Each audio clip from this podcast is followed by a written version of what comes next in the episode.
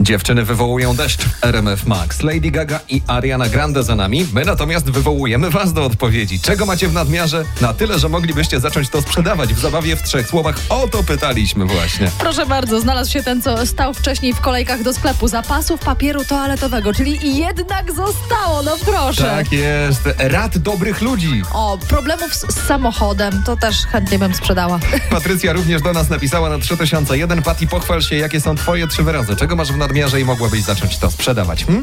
E, jednorazówki na zakupy. Jednorazówki na zakupy, oczywiście chodzi o worki, woreczki, woreczusie, woreczunie. Dokładnie.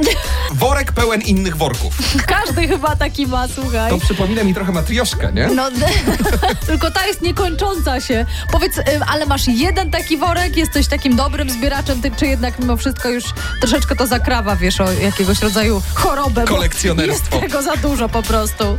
E, no to jest raczej kwestia tego, że idąc na zakupy zawsze zapominam tego worka wziąć, więc Aha. muszę kupić następny.